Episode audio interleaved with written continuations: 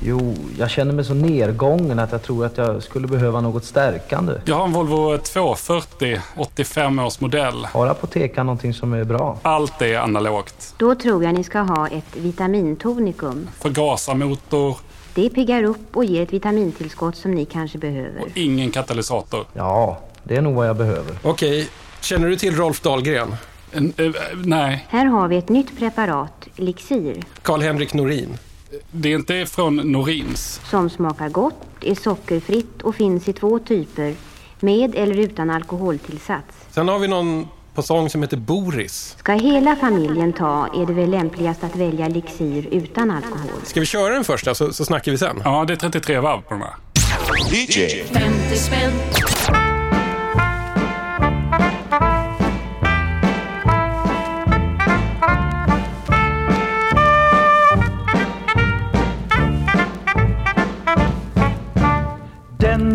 som inte hänger med kan behöva vitamin och det bästa man kan ge är en dos Lixir, då blir nog formen fin. Den som ej haft energi att i jänkan ta ett hopp kan nu pigg och hurtig bli. Av Lixir kan spänsten nå sin högsta topp. Hopp, hopp, känn hur lätt jänkan går när vi nu har fått förnyad spänst. Hopp, hopp, känn hur du prima mår. Det är självklart mest Lixirs förtjänst. Nu du jämt kan hänga med jänkans hopp så lätta blir. Pröva själv så får du se. Tröttheten försvinner när du tar Lixir.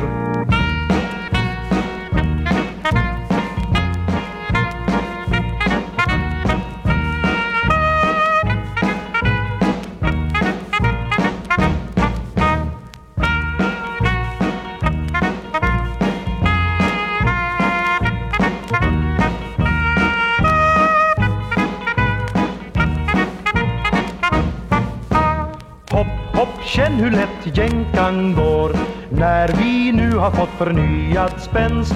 Hopp, hopp, känn hur du prima mår.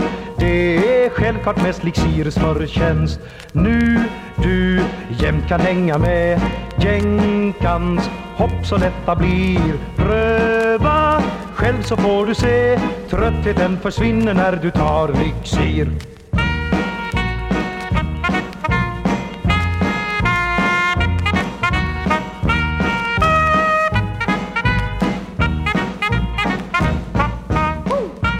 Stark öppning Niklas. Väldigt stark öppning. Vad är det här? Det här är en uppiggande nyhet från Kabi. Lixir vitamintonikum. Okej. Kabi, det vet jag att det var en gång i tiden ett läkemedelsföretag Ja. på något sätt. Stämmer. Och eh, Lixir, ett stärkande tonikum, det är någon slags kosttillskott då kanske. Inte riktigt medicin. I bästa fall så har det väl ingen effekt. Nej. Vi kommer prata mer om det här, men jag måste säga först välkommen Niklas Betan Jönsson. Tack! Jag vet på ett ungefär vad, vad du går igång på för skivor, men jag vet liksom inte allt om det. Men jag tror att du inte tycker att metronom är så jätteviktigt i musikproduktion. Nej, det är väl ganska trist när allt är så himla blankt och fint och man har liksom studiomusiker upp till tänderna. Ja. Jag tror jag går igång på, jag har funderat lite på vad, liksom vad det är och jag tror det är den här liksom kreativa processen. Inte att det ska bli bäst, utan jag måste ha ur mig det här innan jag kan gå vidare. Mm. Som jag kan känna själv ibland när jag tecknar eller sådär. För det brukar du göra. Ja. Jag vet inte vad man ska kalla det. Det är någon slags skämtteckningsaktigt, men inte så här, det måste inte vara haha funny, utan Nej, precis. Eh, Ofta ganska alltså att det är självbiografiskt, att det är jag och mest mina liksom, dumma tankar som, Mm. ja, du vet, man står och äter chips och lyssnar på punk Ja. alldeles för sent på natten. vad rör sig i huvudet då menar du? Nej, men alltså det, det, det, är, väl, det är väl bara att, att ma- man existerar på något sätt. Det handlar väl inte alltid så mycket om någonting. Mm. Jag måste presentera det lite noggrannare här. Ganska ofta så letar du monokroma sjuor där ute på loppisar. Ja, det har blivit så senaste tiden. Vill du prata om det här monokroma? Vad, vad ger det dig? Nej, men det är väl eh, att, vad ska man säga, vi tror inte riktigt så mycket på dig som artist. så vi kommer inte göra ett fyrfärgstryck på din singel.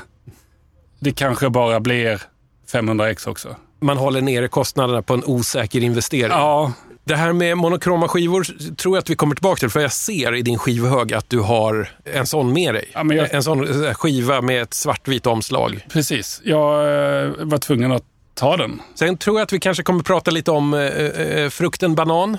Ja, Vi kanske kommer in på um, Dylan och Jesus. ja. Eh, håriga varelser. Tror du det blir något sånt? Gnesta kommer vi susa igenom. Gnesta ska vi susa igenom. På Moog kanske. Mm. Det är bra. Om vi låter lite slö här nu, om det väser från bakgrunden så är det att vi spelar in det här i säkert 35 graders värme just nu. Ja, Så vi kan låta lite utmattade ibland. Min dator kör fläkten på högsta varv här, bara så att jag säger det nu så att alla vet omständigheterna. ja, vi har gått från gillestuga till bastu eh, fest. Ja, det är inte det sämsta. Träpanel som träpanel, Mm. sa man i 70-tals mexitegelvillan.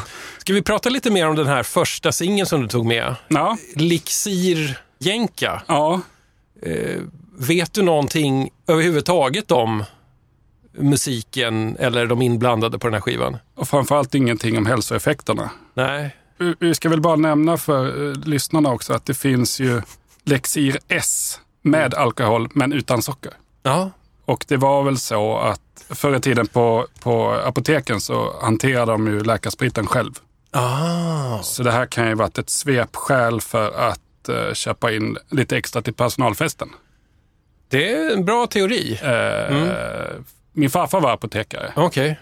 Hans kollegor blev sällan gamla. Eh, just på grund av att det fördes inte så mycket böcker på Okej. läkarspriten. Mm. Det här var en jänka i alla fall. Det här var ju en modedans på eh, 60-talet någon gång. Jag var- danssuccé. lite, lite av en fluga. Ja. Jag var tvungen att kolla upp det här för att jag misstänkte då, e- eftersom musiken låter finsk. Och ja, jänka är en finsk dans, en slags mutation av schottis. Mhm. Kö, schottis, för man dansar på led. Är det liksom en förfinskning av konga? Det, det skulle ju kunna vara det. Men, men eh, samtidigt så är rytmen är ju inte så konga-aktig. Utan det här, vi, vi snackar alltså ganska strikt, nästan militärisk tvåtakt just här. det, är det.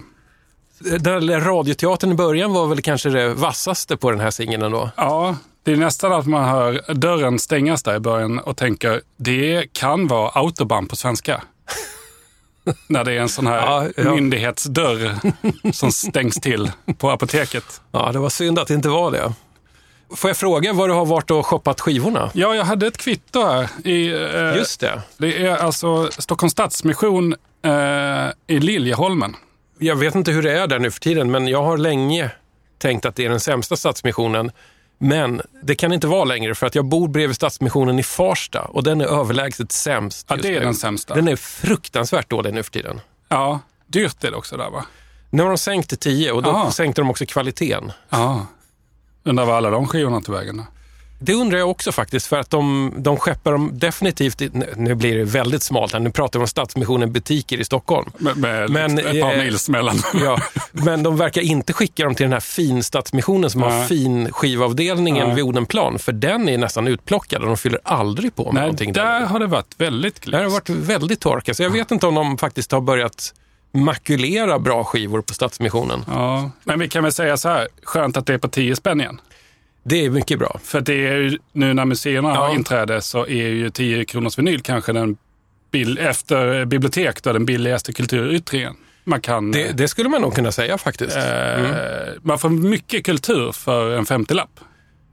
Amen brother. Så, Amen. så billigt blir det inte någon annanstans. Ska vi langa på ditt dansbandsfynd här? Ja, Det här tycker jag nämligen är genuint spännande. Det här tycker jag nämligen att det är genuint spännande absolut ingen ironi i det. För att du har hittat ett dansband som jag aldrig hört talas om på ett bolag jag aldrig sett förut. Och från Gnesta, där du det... kanske aldrig har varit.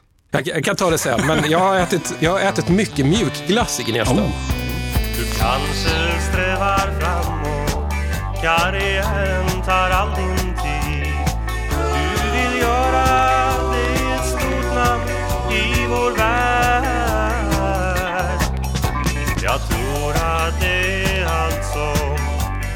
betyder nåt för dig. Har ej tid till någonting mer, inte ens med din vän. Du borde tänka, tänka mer på din kära Innan någon tar sig dit och hon börjar att förstå.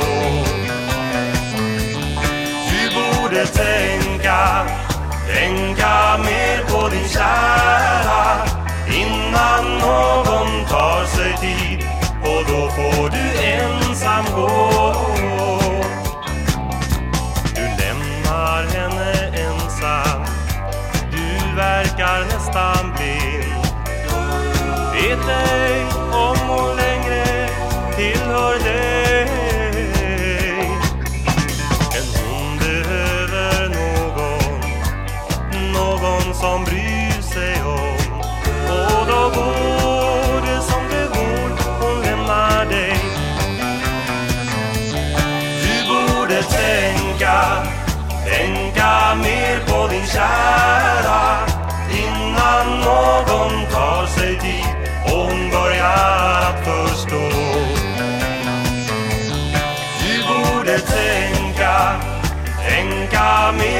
mer kära innan någon tar sig tid och då får du ensam gå.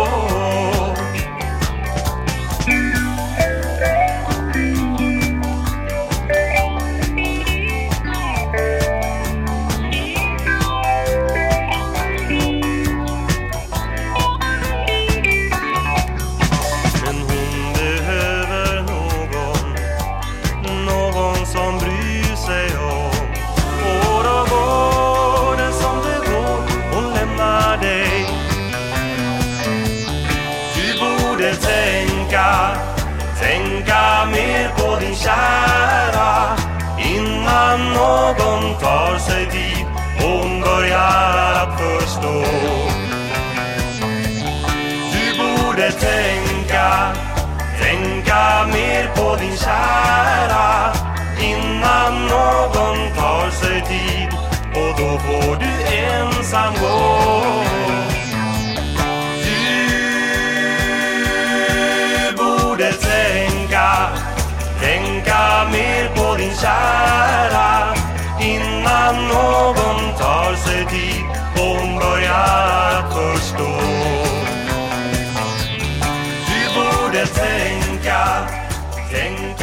Alltså Niklas, jag gillar verkligen hur den här singeln låter. Det här är, det här är ett dansbandsfynd skulle jag säga. Ja, jag tycker också det är ett fynd. Eh, dels har de ju investerat dyra pengar i en väldigt tjusig Moog, tror jag. Precis, dansband med liksom en, en, synt ganska långt framme. En sån här Ja. brummande 70-talshistoria. Härligt. Och sen så är det ju något så här lite trätoffligt släp Ja. i sången. Ja, Man får liksom den här log-dans... Ja, men jag Ja, tror de har precis. tajta. Roffe och rubbet är det i alla fall. Och låten heter Du borde tänka. Jag kan inte säga att jag känner till varken band eller låt sen tidigare egentligen, men eh, trevlig bekantskap. Jag gillade också det lite, vad ska vi kalla det, lite blöta gitarrsoundet där. Ja. Det, det var som att jag gick igenom med någon sån här koruspedal Ja. eller någonting sånt där. Mycket fint. Ja, men det känns som att de har eh, lagt pengar på utrustningen. Mm. Hur kommer det sig att du gillar dansband? Eller du kanske inte gillar dansband generellt, men varför gillar du såna här dansband? Ja, Alltså, jag gillar väl dansband generellt. Det är väl det som är. eh, dels eh, mångårig eh, besökare och eh, ibland DJ-ande på klubben Sunkit. Just det. Eh, kan ju vara en anledning. Men jag gillade faktiskt dansband innan dess också och det har väl att göra med eh, Kvart i två-dansen i eh, Anders och Måns Mm. Eh, program eh, Så funkar det. Just det. Som gick en sommar. Eller några somrar. Ja. Eh, men för, Var, var det inte så att just det här kvart i två-dansen, att de spelade alltså lite så här, lite tokigare, jo, härliga dansbandslåtar från, från de gyllene åren på 70-talet? Att det, det lyfte liksom eh, Ja, dansbandsgenren på något sätt. Det Att helt plötsligt så, så upptäckte folk att det är inte bara kul, utan det är ganska svängigt också. ja. Och jag var väl eh, i mina tonår och jobbade en sommar som kyrkvaktmästare. Mm. Krattade gångar och hackade ogräs. Och hade en sån här Walkman med, Mm. med radio. Oh, ja. och gick runt eh, och eh, fnissade lite mellan gravarna eh, åt det här tokiga radioprogrammet som hade börjat på P3. När de här dansbandslåtarna så kom så jag tyckte inte att det var... Alltså det var ju skojigt. Mm. Men jag tyckte inte det var tramsigt. Alltså förstår du skillnaden? ja, ja, jag tror att jag fattar skillnaden. Eh, jag tycker det är så synd, eh, de här som liksom säger vi köper inte in dansband eller eh, Det är vissa skivbörsar så- som brukar de brukar till och med skriva ut det, att Ja. vi, vi köper inte dansband klassiskt och kristet. nej. Men det kanske också beror egentligen in, Det kanske- inte så mycket på antipati utan för att det är såna extrema mängder av det Ja. där att de inte klarar av att hantera det. Och så är det bara du och jag som köper dem. Ja, exakt, det är inte värt att ha där. Nej, synd. Jo, och ja, men också att, att det är en sån neggig stämning kring... Alltså jag tror att det är fler som går och dansar på dansbana och lyssnar på dansband än typ kollar på fotboll, tror jag. Alltså Ja, det, det, är, det utgår jag ifrån. det är så enormt. Och de här, I mitten på 70-talet var det 5 000 aktiva dansband i Sverige. Ja, jag, jag minns inte siffran. Jag minns att eh, Per Winberg när han var här, alltså en från dansbandsbranschen som också eh, gärna gör böcker om dansbandsomslag. Mm. Han drog någon sån här siffra som var eh, häpnadsväckande. Det var en siffra som, som på något sätt indikerade att i varje svensk kommun så fanns det inte ett, inte två, utan flera dansband. Ja. Ve- Vet du någonting överhuvudtaget om rubb, Roffe och Rubbet? Inte, alltså, Du sa att de var från Gnesta. Gnesta har jag eh, lurat ut att de är ifrån. Ja, Eh, och det, då är min hemkokta teori här att det här att de har skaffat en synt, inte bara för att de är moderna tror jag, utan för att i Gnesta kan man inte plocka upp dragspelet för då, då kommer ändå Gnesta-Kalle och lira brallorna av det ändå, så det är ingen idé. Ja, eller liksom stå på, på fastukvisten med ett basebollträ och säga det vore ju himla, himla trist om det hände någonting med ett dragspel. Det kanske Så är en kan vara. maffiaverksamhet. Ja. Fan, nu slår det mig. Jag undrar om inte jag har en sån här sjutumsingel i någon låda här som gjordes till Gnesta-Kalles 50-årsdag. Hmm. Jag ska leta rätt på den sen. Vi kanske kan avsluta med den. Ja, ho- hoppas. Precis när vi la på singeln så, så, eh, så kom vi in på det här med Gnesta. Så sa jag något kryptiskt, att jag ätit många mjukglassar där. När jag var liten så var det så att när vi skulle åka till landet så stannade vi alltid för glasspaus i Gnesta. Så jag har väldigt positiv syn på Gnesta på grund av det. Ända sedan jag var eh, spädbarn så har vi stannat vid Kurres kiosk, som det hette då. Köpt mjukglass i Gnesta och sen åkt vidare. Kan vi få spons till podden av Kurres Jag tror inte kiosk? att det heter Kurres längre. Men jag vet att många har sökt sig till Gnesta i modern tid. Jag, I något så här konstigt jobbsammanhang någon gång så var Niklas Frisk, du vet den här Atomic Swing-killen och sedermera eh, låtskrivaren och producenten inkopplad för att göra lite musik. Och då frågade jag så här, var bor du någonstans? Och så sa han Gnesta.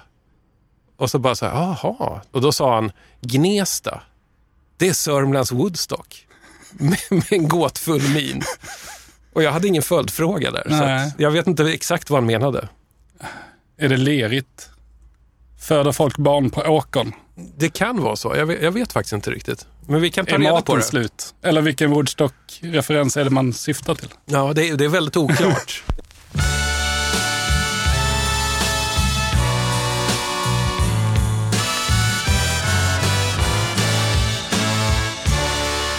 Visst är det så att du har åtminstone en monokrom sjua med dig? Jag kände att jag var illa tvungen. Vaknar imorgon, vet att allt är förbi Jag måste skiljas från igår nu Jag måste ensam ta emot denna nya dag Min dag, min dag utan dig Det här råkar ju också dessutom vara en riktig kanonlåt.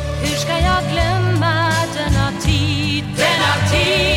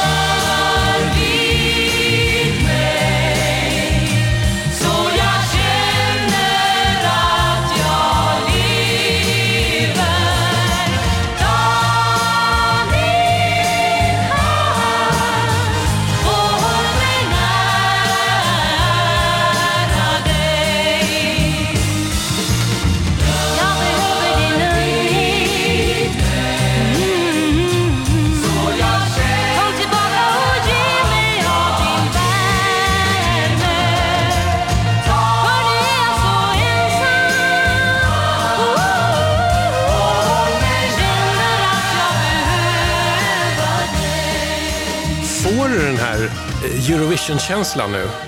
Ja, Kan du känna den? alltså det är ju, det, det är ju så stort och, och fylligt. Alltså det, det är som en eh, psalm, fast det är större. Liksom. Ja. Det, det är som en så här, hela världen ska enas i den här låten. Ja, en kollektiv feel good. Det är alltså Inger Öst med Rör vid mig som är en försvenskning av eh, Spaniens Eurovision-bidrag 1973. En låt som hette Eres tu av eh, gruppen Mocedades.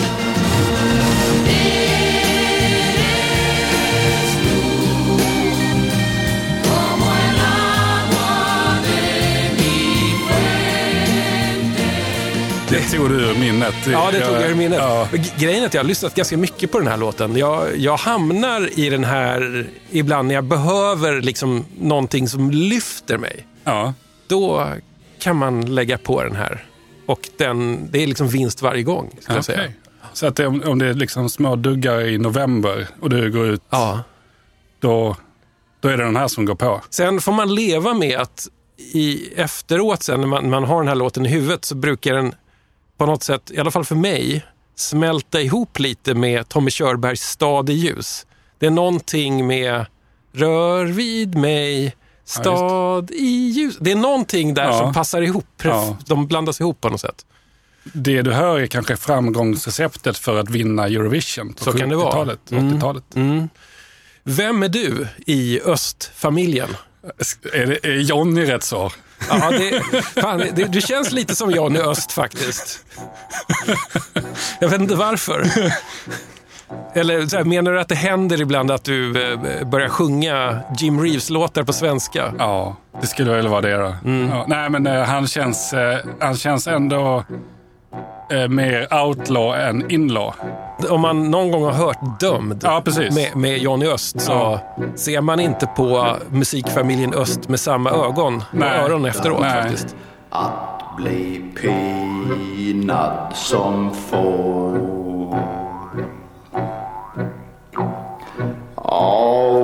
om jag blott vore två Jorden är öde och kal Jag, jag är nog Inger Öst ändå, Du är tror jag. Öst. Ja. Eller, eller de har någon slags kusin eller syssling som heter Elinor Öst som jag är svag för också. Farmarflickan. Ja. Det finns någonting så här skönt 70-tals lantligt men ändå lite bossanova-urbant Ja. över henne. Inte eh, liksom progg-kollektiv, men har ett schysst sommarhus Ja, men lite så med här. många soltimmar. Ja, så.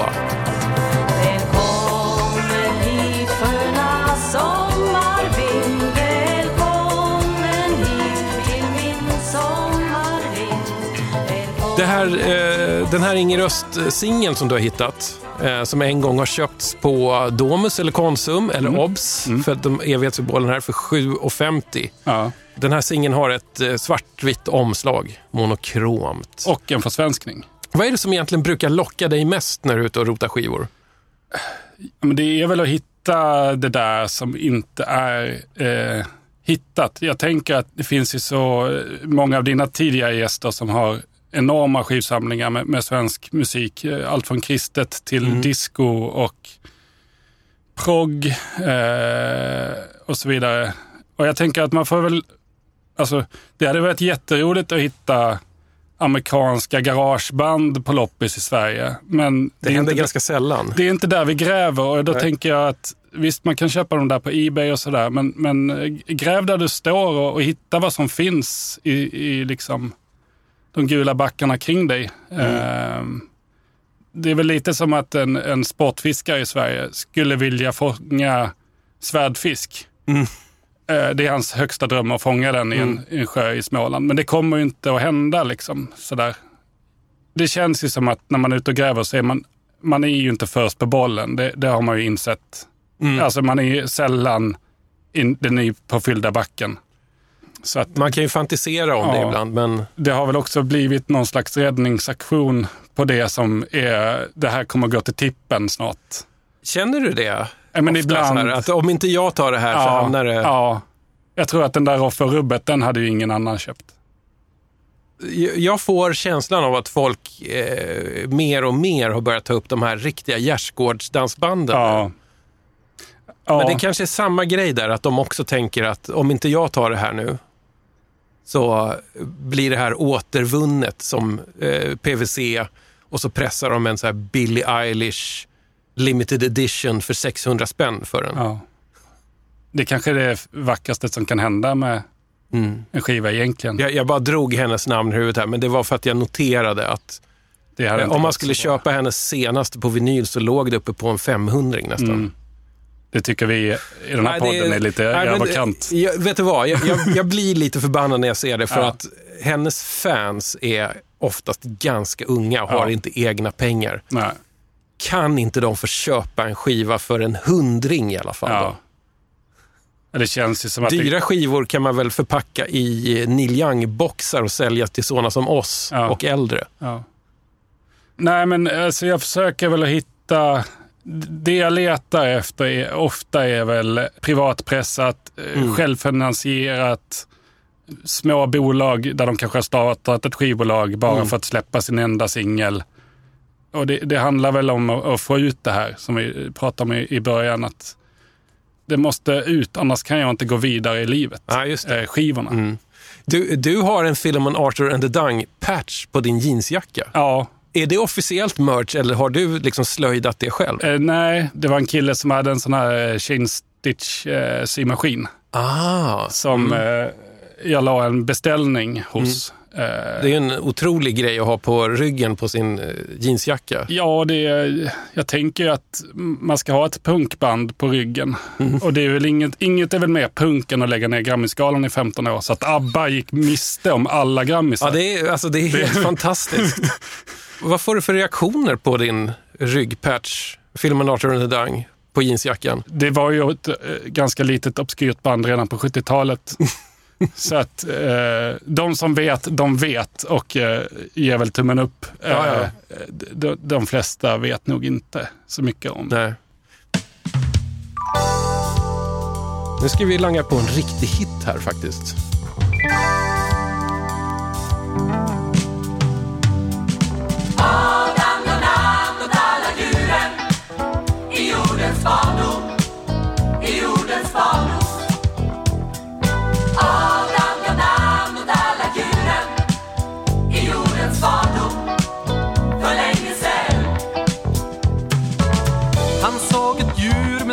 Krona Som stor och stark i skogen trona. Själv stod han dold bakom en sälj. Ah, tror jag kallar dig för en älg. Adam gav namn åt alla djuren. I jordens barndom I jordens barndom.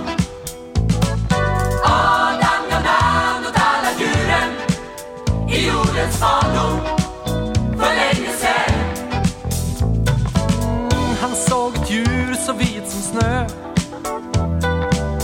som ändrade färg när det blev tö. Det skuttade fram på åkerns skare. Ah, tror jag kallar dig för en hare. Adam gav namn åt alla djuren i jordens barndom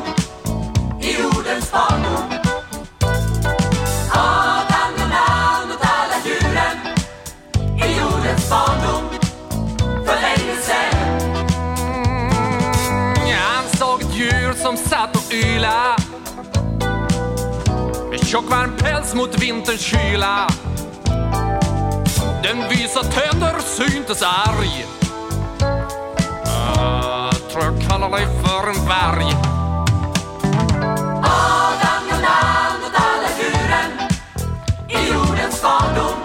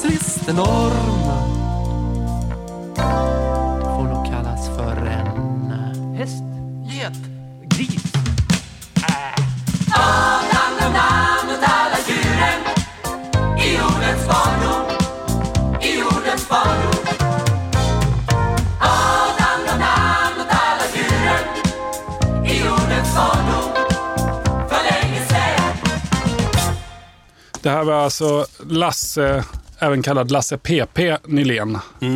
Eh, från skivan Det är farligt. Eh, och det här är ju då Adam gav namn åt alla djuren. Ursprungligen en, eh, en Dylan-låt från den här superkristna Dylan-plattan va? Ja, precis. Dylan blev ju frälst ett tag där. Alltså en ganska hårdför kristen, har någon förklarat för mig. Okej. Inte bara så här, Jesus är mysig, utan det är Nej. lite, lite repent Ja. sådär, över honom. Men eh, härlig låt. Det här är ju något av eh, en sån här, vad ska vi kalla det, loppis-vinyl anthem nästan. Alltså, jag blev ganska glad när jag hittade den här. Dels för att det är eh, en stor blå björn som håller i en kam och det här fotot. Ja. Det drar ju blicken till sig Mm. oavsett loppisbläddrare tror jag. Det, det, det är något serietidningsaktigt Ja, över hela precis. den här eh, skivan och den, den signalerar verkligen bara så här, plocka upp mig. Och det gjorde jag. Vad tycker du då? Disco och sådär är kanske inte min eh, favoritgenre. Men den har börjat krypa på mig, Ja, den svenska discon. Mm. Eh, Det, det, är en, det är en egen variant av, av disco får man ju lov att säga. Ja, och det är väl också en, en eh, ska man kalla det en folkhemsdisco eller en gilledisco eller Ja. någonting. Eh, nej men alltså det, det finns ju absolut guldkorn i alla genrer brukar jag tänka. Det som är kul med den här Lasse Nylén-låten här, Barnfunk med kristet budskap, är ju att den är, också är väldigt så här frikyrkofunkig. Ja. Det här 80-tals snajdiga, vad ska vi kalla det, liksom pingstfunk-köret. Ja. Det är också så här att det första gången man hör det så kanske man inte går igång på det. Och inte andra gången, och inte tredje gången. Men sen börjar det krypa in. Mm. Och efter ett tag så vill man ha det här prydliga, plingiga soundet. Liksom. Ja. Det är väl också så att eh, Pingstkyrkan hade mycket pengar. Mm. Så att man hade råd med dyra instrument, och mycket studiotid och bra produktion. Ja, och, och dyra studiomusiker väldigt Ja, ofta. ja, för det är precis. oftast liksom det här Per Lindvall och gänget. Jag vet inte om de är med och spelar på den här riktigt. Roger Palm på trummor. Ja, du ser. Ja. Det som är roligt med Lasse Nylén också är att han hade ju sitt eget skivbolag. Han skrev inte på för eh, Prim eller Signatur eller Cantio och alla de andra här kyrkliga skivbolagen. Han hade sitt eget, PP. Ja. Va, vad PP betyder, det vet jag inte riktigt. Nej, det får vi fråga någon. Nämna kan man väl göra att vill man ha en annan version på den här Ja, gav namn åt alla djuren Mm. så finns eh, Ingmar Johansson också. Ja, just det. Den kanske låter till och med lite snajdigare, Ja. lite lyxigare. Ja, Men det är för att den är riktad till vuxna. Jag tror har att det är så, precis. Är det, är det det att, att barn, de förstår inte så komplexa ljudbilder så vi gör det lite enklare? Eh, Samma Dylan-låt finns ju på svenska av Nationalteatern också. Just det. Den har aldrig riktigt fastnat för mig. Jag har gillat de här frikyrkliga varianterna lite mer ändå. Varför vet jag inte. Människan gav namn åt alla djuren i begynnelsen, i begynnelsen. Där finns ju en, ett rykte om att Bob Dylan en gång ringde hem till Mikael Wiehe. Jag vet inte huruvida det här är sant. Jag är helt nöjd med om det bara är en fantasi eller en skröna. B- Fortsätt. Men, men skrönan är så här att, att Mikael Wiehe hade väl en, en stor eh, Dylan, Dylan som man säger i Malmö. Dylan, just det. Och hade väl skrivit brev till Bob Dylan och tackat för musiken och att han har gjort covers och så vidare. Och så hade Mikael Wiehe varit ut. Det här var väl under perioden han bodde hemma i princip. Han hade väl skrivit sitt telefonnummer i alla fall hem till, till, till, till sin mamma och pappa eller hur det var. Och då eh, när Mikael Wiehe kom hem någon, någon kväll så, så stod det på en liten lapp vid telefonen. Det var någon som hette Bob som har ringt. Och Bob Dylan hade väl då kanske suttit och läst det där brevet efter ett par glas vin och tänkt, jag ringer tjommen. Jag vet inte om det här är sant, men jag hörde historien på Hjälmaren. Det, det, kan, det Ja. kan vara en myt. Hjälmaren, alltså ett ölhak i Årsta helt Ja. enkelt. Mm. Det är nästan som man är sugen på att ringa ner till Micke Wiehe nu. Ja. Kan du bekräfta? Ja. Nu sitter vi och pratar Bob Dylan. Det är konstigt. Det, det, alltså, det är absolut inte en, en favoritartist. talat, hur kommer det sig att du inte har blivit en Dylan-man? Alltså jag tycker ju den här, ehm, om, jag ska välja att prata Bob Dylan så är det Mm. den här ehm, Nashville Skyline-skivan som jag tycker är eh, svängig. Med det här eh, bakgrundsmusikerna, Area Code, vad heter de? 615 heter de va? Ja, något sånt. De släppte ett par skivor. Det är svängigt Mm. och eh, där är någon instrumentallåt också. Det, det kanske sammanfattar din relation, din relation till Dylan där. Vi kan lämna det, eh, vi kan lämna det ämnet. Jag är inget superfan heller, men jag, har börjat acceptera honom mer och mer. Okej, För en ja. gång i tiden kändes det viktigt att positionera sig mot Dylan-männen, men jag känner Ja. inte att jag måste göra det Nej. längre. Alltså det blev väl också sådär, jag vill inte bli en skivgubbe, prata med honom press på Rolling Stones och eh, Bob Dylan. Nej. Det är väl det, det, känns, det känns inte som att du är riktigt i farozonen. Men jag tänker, nu sitter jag här och pratar om Bob Dylan, så Ja. nästa, Mm. nästa skiva blev väl en monopress med, med Rolling Stones då? Det kan ju bli med så. rätt matrisnummer. Mm. Jag kan säga det till alla, alla Niklas polare som kanske råkar höra det här, att om det händer så kan ni ju dra igång en sån här intervention. Ja. Så här, han sticker nyckeln i låset, kommer hem på kvällen, så, Ja. så väntar ni där och sen så här, Niklas, vi är oroliga och vi har saker vi vill prata med dig om. Snälla, gör det. Du, eh, apropå barnskivor. Ja. Jag såg nog att i din hög här så ligger någonting som ser riktigt, riktigt udda ut. Det är både päls och Flying V.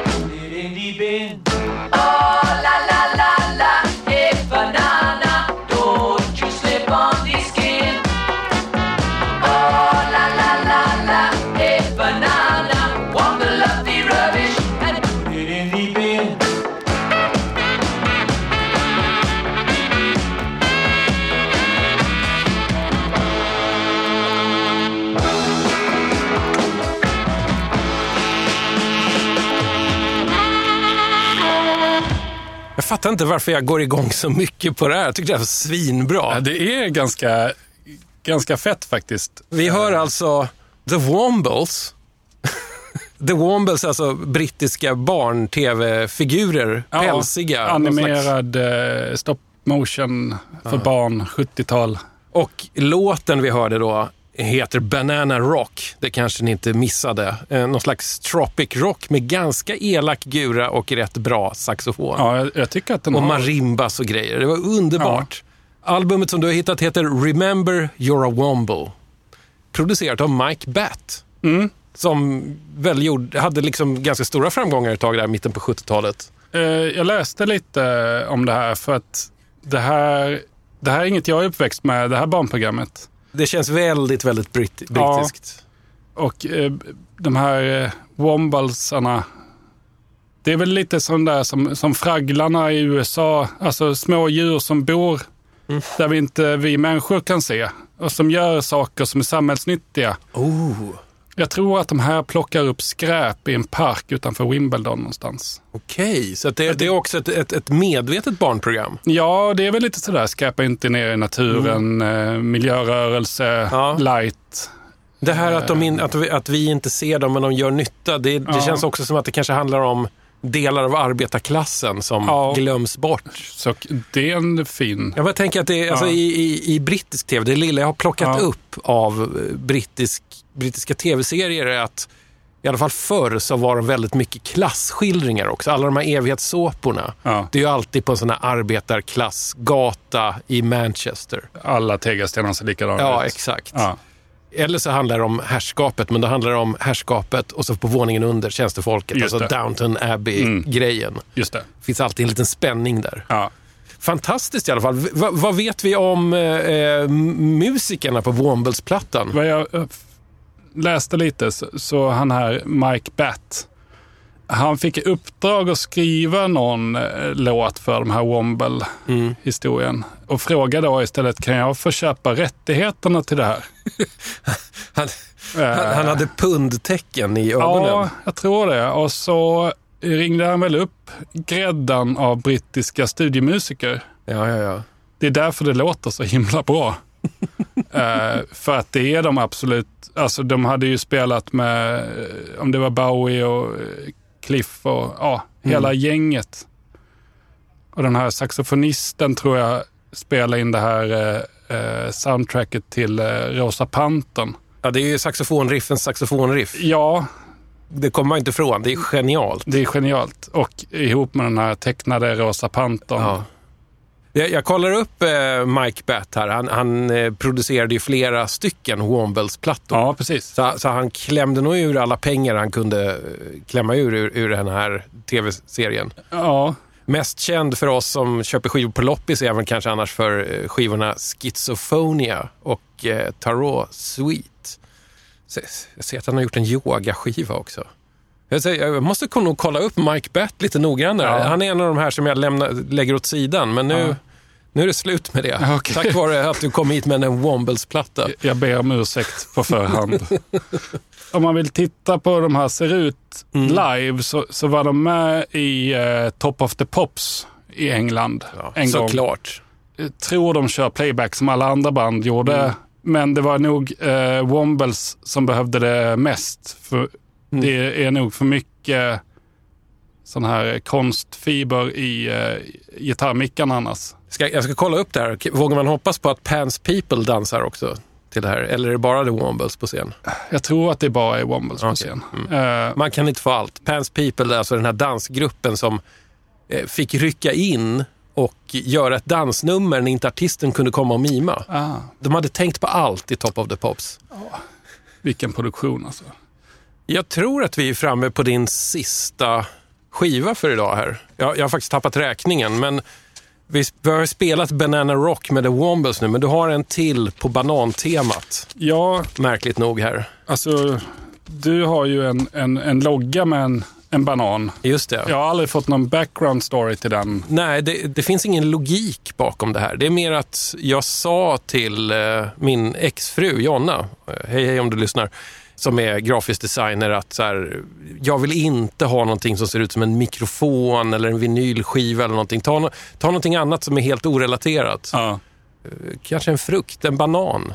Ja. Bananer Vad vet kul. jag? Och så ja. gick du ut. Ja, och så blev det en banan. Ja. Det är den roligaste formen på en frukt. Jag hävdar att bananen är liksom komedins frukt. Ja, På det, något sätt. det är det. Eh, du, ja, nu har du slitit fram LPn Banana Tijuana. Med eh, Larry Son and the Banana Monkeys.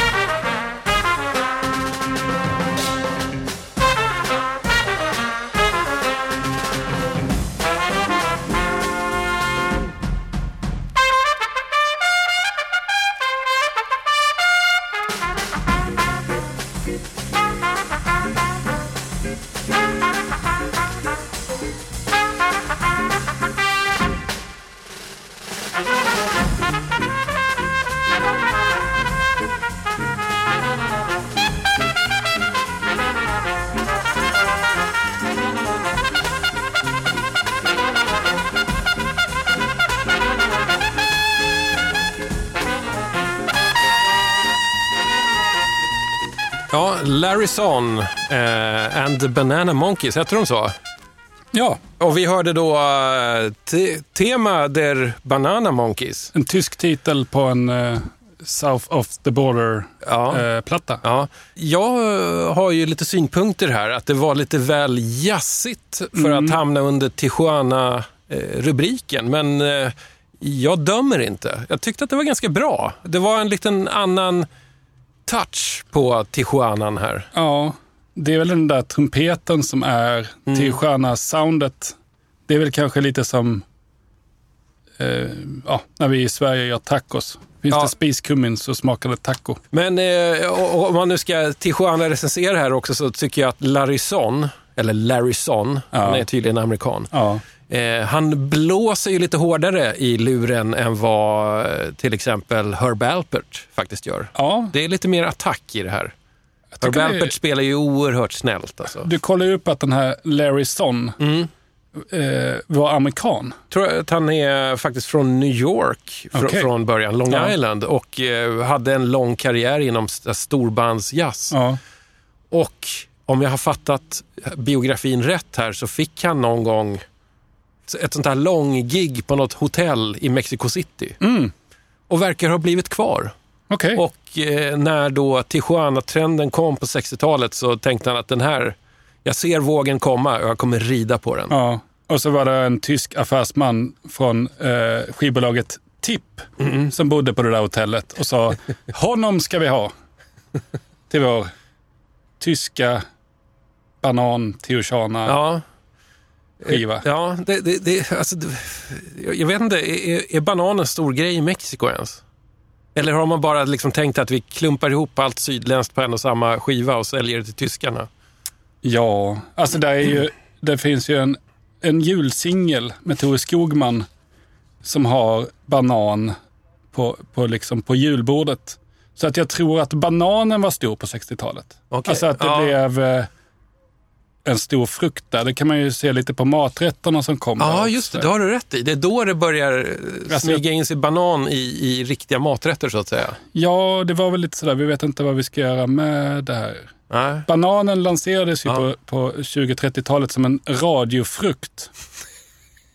För att eh, det lät inte, när man hade de här små transistor, eller alltså de gamla, gamla, de här brun, bruna i trä, Mm. Som inte hade så eh, stark ljudbild. Nej, just det. Och Precis. käkar du ett äpple då, då hör du ju varken själv eller de som sitter bredvid radion. Nej, just det. Det, det- det krasar för mycket. krasar för mycket. Ja, just det. Nej, men Så det är sant. Det är, Bananen lanserades som en radiofrukt. Det tycker Ja. jag att vi... ja, kanske är det här som är förklaringen till att bananen är DJ 50 spänn-logotypen. Ja, så att man hör knastret på vinylen. Ja, det är kul i alla fall. Det, det, Tijuana-genren är större än man tror. Ja, det här var väl, eh, om man ska prata i dina kategorier, en, en sån här skivbörsklassiker. Mm, just det. Alltså inte just den här, men Tijuana-soundet. Ja. Det, det är liksom smått bisarrt att tänka sig hur stort det är. Det fanns till och med en hel skivserie som hette The Band I Heard in Tijuana. Ja, Jag tror att jag har hittat upp till volym 4 i alla fall. Det kan finnas fler. och sen så de här skivorna som heter typ Sounds Like Herb Alpert. Ja, jag vet. Eller, Mm. alltså då är det inte ens billig tysk eh, gillestuge Nej. till stjärna, utan då är det ett band man har hyrt in som spelar som Ja, just det. billig tysk. Alltså hur...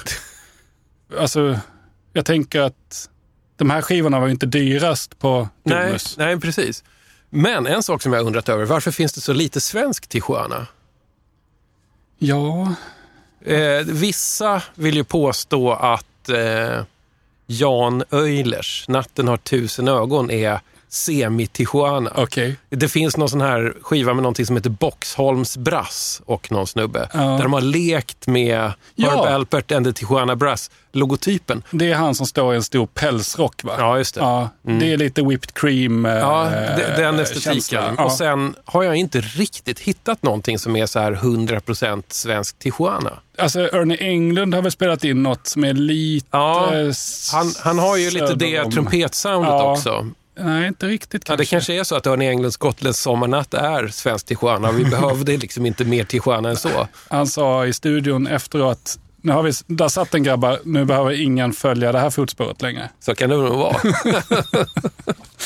Jag är glad att eh, Tijuana-plattor dyker upp i DJ 50 spänn i alla fall. Ja, det, det är att det ganska var- glest mellan gångerna, men det händer. Jag tyckte att det var ett... Eh, för man bläddrar alltid förbi en. Det gör man. Men det, det är väl lite att man, eh, väldigt många av de här som inte är Herb Alpert, så, så tänker man att det är att det bara är vinstintresse. Alltså att det är en sån här massprodukt med låg kvalitet Ja. på något sätt. Mycket är ju från den, till eller från den tyska marknaden. Mm. Jag tänker också att, att det var när eh, alltså charterturismen tog eh, fart. Ja, just det. Att man längtade efter eller hade varit på charter en gång. Mm. Och så för att liksom minnas det, Hålla kvar i känslan. ja, man, man blandade en rom och cola och så satte man sig i sin favoritfåtölj hemma och så Ja. slog man igång Tijuana, sänkte ögonlocken lite, tände sin braskamin så man fick lite värme Ja, just det. och så mindes man den där Mm. semesterorten Mm. i ett stort betongkomplex med en pool. Det är ändå en ganska vacker bild du målar upp här. Men du har väl sett sådana Ja, ja. eh, reklam eller liksom skivor från mycket Mallorca Ja. finns? Jag säger ju inte nej till en sån här spansk eh, semesterpopsamling. Nej. Apropå det, jag hittade den igår. Det här kanske är det gyllene läget att lägga på den. Ja, jag, jag har en, en liten anekdot medan du letar där. Jag köpte några singlar som var från Mallorca. Och då var det någon man som hade skrivit på lite knaggig engelska att vi ses snart och jag älskar dig. Och, och det, det verkar varit någon sommarromans. Oh. Jag, jag lovar att jag ska komma och hälsa på lite sådär. Eh, så det var det väl någon tjej som hade varit på Gran Canaria eller Mallorca, jag kommer inte ihåg riktigt. Och sen så har han väl skrivit på de där singlarna och gett henne Eller skickat kanske på posten Ja, med jämna mellanrum. Mm. Så, så att hon inte ska glömma bort Ja, honom. precis. Det var lite för vackert, Mm. tycker jag. Nu har jag bläddrat upp då min, mitt senaste inköp av eh, så här spanska semestersamlingar från mitten av 70-talet. Den heter Hit Parade España. Och jag fastnade för ett spår på den här eh, som heter Bubblegum Song med gruppen Café con Leche. Ja, den där kannan på omslaget med sangria, den skulle vi haft här i studion idag. Det är Tommy. väldigt varmt här, men vi, vi, ska vi ge den en liten spin här? Ja, Det, det blir som en liten bonuslåt här. Den, den har något, den har något så här härligt sommarkorkat över sig som Ja. jag älskar.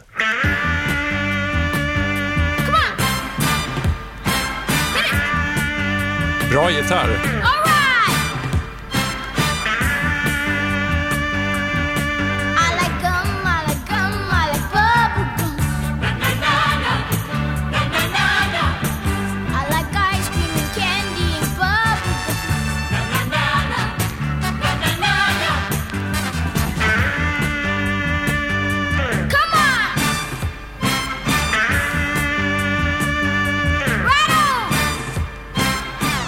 Ja, det var allt ni fick av eh, Café con Leche med Bubblegum Song. Om ni vill höra mer så får ni ge er ut på loppis och rota fram den här. Kolla efter en spansk semestersamling med en stor, immig tillbringare med sangria på omslaget. Gud vad sugen man blir. Det är också sådär att det inte, de kanske nog inte hade råd med sangria utan att det är någon så här röd blandsaft. Kan vara. Det Kan ser, vara. lite, Mm. det ser lite tunt ut. Ja, Men det det- blir bättre på bild kanske. Om du vänder på omslaget så ser du att de har liksom klippt in alla medverkande artister i formen av en sangria-kanna. Tänk att jobba Kreativt. som eh, Mm. på reklambyrå på 70-talet. Det var bara att ringa Tore Skogman om man behövde lansera något. Ja, visst. Han skrev en låt på två sekunder. Han hade väl. Eh, Niklas, en sak till eh, som är värd att nämna med dig. Att det det är du som har designat den här ihopvikbara loppisskivbacken. Just det. My Little Loppisback. Ja, full spektrum pyssel. Ja. För, för, om jag ska beskriva det, alltså det ser ut som en sån här typisk gul drickaback, fast i miniatyrformat, i papp. Och så kan man då klippa ut små klassiska 10 kronors skivor och ställa i den. Så att man, man, liksom, när bläddersuget sitter i, om man inte har en skivback, så kan man ändå eh, Precis, få det. som en eh, stressboll kan man ha. Ja. Om man känner att nu sitter jag fast på kontoret och de lastar antagligen ut Ja. jättebra skivor på Mm. mitt lokala loppisställe. men jag har ett Teamsmöte jag måste vara med i. Ja. Då kan man sitta där och bläddra av sig. Mycket bra. Hur kom du på idén överhuvudtaget? Det var väl någon dag, stod väl och tänkte på något och så tänkte jag en liten loppisback hade ju varit kul. Mm. Och så eh, provar jag att göra lite sådär, jag är inte, jag tecknar ju mest och gör saker för hand så att det där med att jobba i dator och sådär, det är hitta något program på internet Mm, och mm. ladda ner och få millimetrar i Ja, just det. Det är det svåra. För du och- måste trycka det här på, på två sidor. Ja, det finns säkert något i något dyrt program man kan köpa där det här linar upp automatiskt. Mm. Men det har varit att hålla upp mot, skriva ut på Ja, ja. sin billiga skrivare, hålla upp mot fönstret och, Mm. och, och testa. Och så. Mm. det är sådär, lite som vi pratade om innan, att det kanske inte är det bästa pysslet. Ja, jag tycker Men- att det är ganska roligt. Men jag var ja. tvungen att få det ur mig, annars kunde jag inte gå vidare. Jag förstår. Jag förstår Eh, precis. Ja. Och så snappade du upp det. Mm. Och så gjorde vi om det lite. Ja. Och nu om man blir Patreon hos dig så Precis, då kan man få en sån här. Det, det är som en liten välkomstpresent Ja. helt enkelt. Då skickar jag ut en sån här. Det är bara gå, till dig som lyssnar nu då. Om du inte är Patreon och känner att ja, men jag tycker att det är värt att stödja DJ 50 spänn och jag vill ha en sån här liten hopvikbar stress. stressback att, att miniatyrbläddra 10 kronors vinyl i. Ja. Så eh, bli Patreon och eh, skicka ett direktmeddelande med din adress. Alltså riktiga postadress till mig så fixar vi det. Och det är ju det är bara hits här. Eh, Cocktail International volym 12. Mm. Hört att det ska vara den bästa. Ja, det är bara, bara hits på den. Du har ju Pelle Karlsson, den här Håkan Hagegård-skivan som står i varenda. Sven-Bertil Taube sjunger Mikis Theodorakis, Anita Televinken, en liten singel. Gilbert och Sullivan, ja ni fattar precis. Det är, Och, och vill man liksom, eh, om man har någon sån här lite trans, halvtransparent grå tuschpenna kan man ju fejka eh, mögelskador och det är en bra idé vatten. faktiskt. Man kan ju eh, diorama sin egen, om man har små klistermärken man vill skriva ut kan man ju sätta på det. Egentligen borde man bygga upp en liten autentisk liksom, loppismiljö runt Ja. den här backen också. Är det inte det vi bor i, Jo, Tommy? jo det är det. Men det är all, alla kanske inte gör det. Nej. Niklas, jag, jag, jag tänker att vi måste börja runda av det här på något sätt. Ja. Så nu är frågan här. Du har med dig en bonusskiva med Öyvinds. Ja. Eh, Jag lyckades också faktiskt hitta den här singeln som pressades upp till Gnesta-Kalles 50-årsdag. Vilken ska vi, Alltså vilken jag- ska vi gå ut på egentligen tycker du? Ja, men om vi nu har haft Gnesta en gång. Mm. Det blir ju alltid dubbelt så roligt med två. På skivomslaget står det Tack, det är kul att få åldras tillsammans med goda vänner. Och så under det så är det ganska snajdig handstil faktiskt. Det står det Gnesta-Kalle. Jag har aldrig lyssnat på den här så vem vet vad som döljs på Ja, den. det kanske är ABBA som har spelat in något. Den kan ju vara super rare. Jag tror att den är mega rare. Nu tänkte jag sjunga om det som jag känner det bör jag ha rätt till på 50-årsdagen Ett rungande tack hela raden av vänner För blommor, presenter och hipp och hurran. Haderi, haderideri och haderiderala Det är sällan som jag tar mig ton. Haderi, haderideri och haderiderala Men nu gör jag det på grammofon men sen var ju det här att eh, portot är dyrt till det kort jag tänkt skriva. Och utgifter är jämt det värsta som finns. Så både den här och min 50-årsskiva De glömmer jag aldrig så länge. Jag minns Haderi, haderideri och haderiderala Föredettingen herr postiljon. Haderi, haderideri och haderiderala Skickar tackkorten per grammofon Det är ganska jobbigt att fylla de 50 Man går liksom omtumlad lycklig i däck. För tänk alla händer man skakat och klämt i När gästerna strömmas som ärtor ur en säck. Haderi, haderideri och haderiderala Jag tror hjärnan har ändrat fason. Haderi, haderideri och haderiderala Den är snurrig som er grammofon. Håll i er för nu ska jag byta tonart också om tio år då är det åter en fara att det ska bli dags för något nytt kollifej. Men det kan jag säga er nu på momangen att då är jag borta om jag lever eller ej. Haderi, haderideri och haderiderala Det får räcka med 50-årsdagen Haderi, haderideri, haderiderala Sjunger jag fast jag börjar bli van Haderi, haderideri och haderiderala Nu finns bara den här skivan kvar Haderi, Ja, jag vet inte vad jag ska säga riktigt.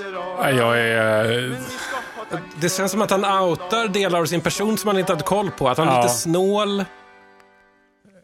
Läser man på baksidan här så står det så här. Tillsammans med dagens stereoeffekt ger det här en upplevelse av ett icke tidigare känt format. Den gamle hörs alldeles själv. Att det ibland låter många, alltså gubbe på gubbe och dragspel på dragspel, kallas trickinspelning. Multitrack-Kalle. Är det första gången vi hör Gnesta Kalle i eh, trickeffekt? Jag minns inte när jag köpte det, men det, det var väl en sån där man tänkte att, åh, kul. Hoppas han bara sitter och snackar. Ja. Men nu fick man ju en låt också. Status check. Range safety arm light on. Affirmative. Range ready? Ready. Water system ready? Affirmative. I have a prep complete light. Locks tanking secured? Locks tanking secured.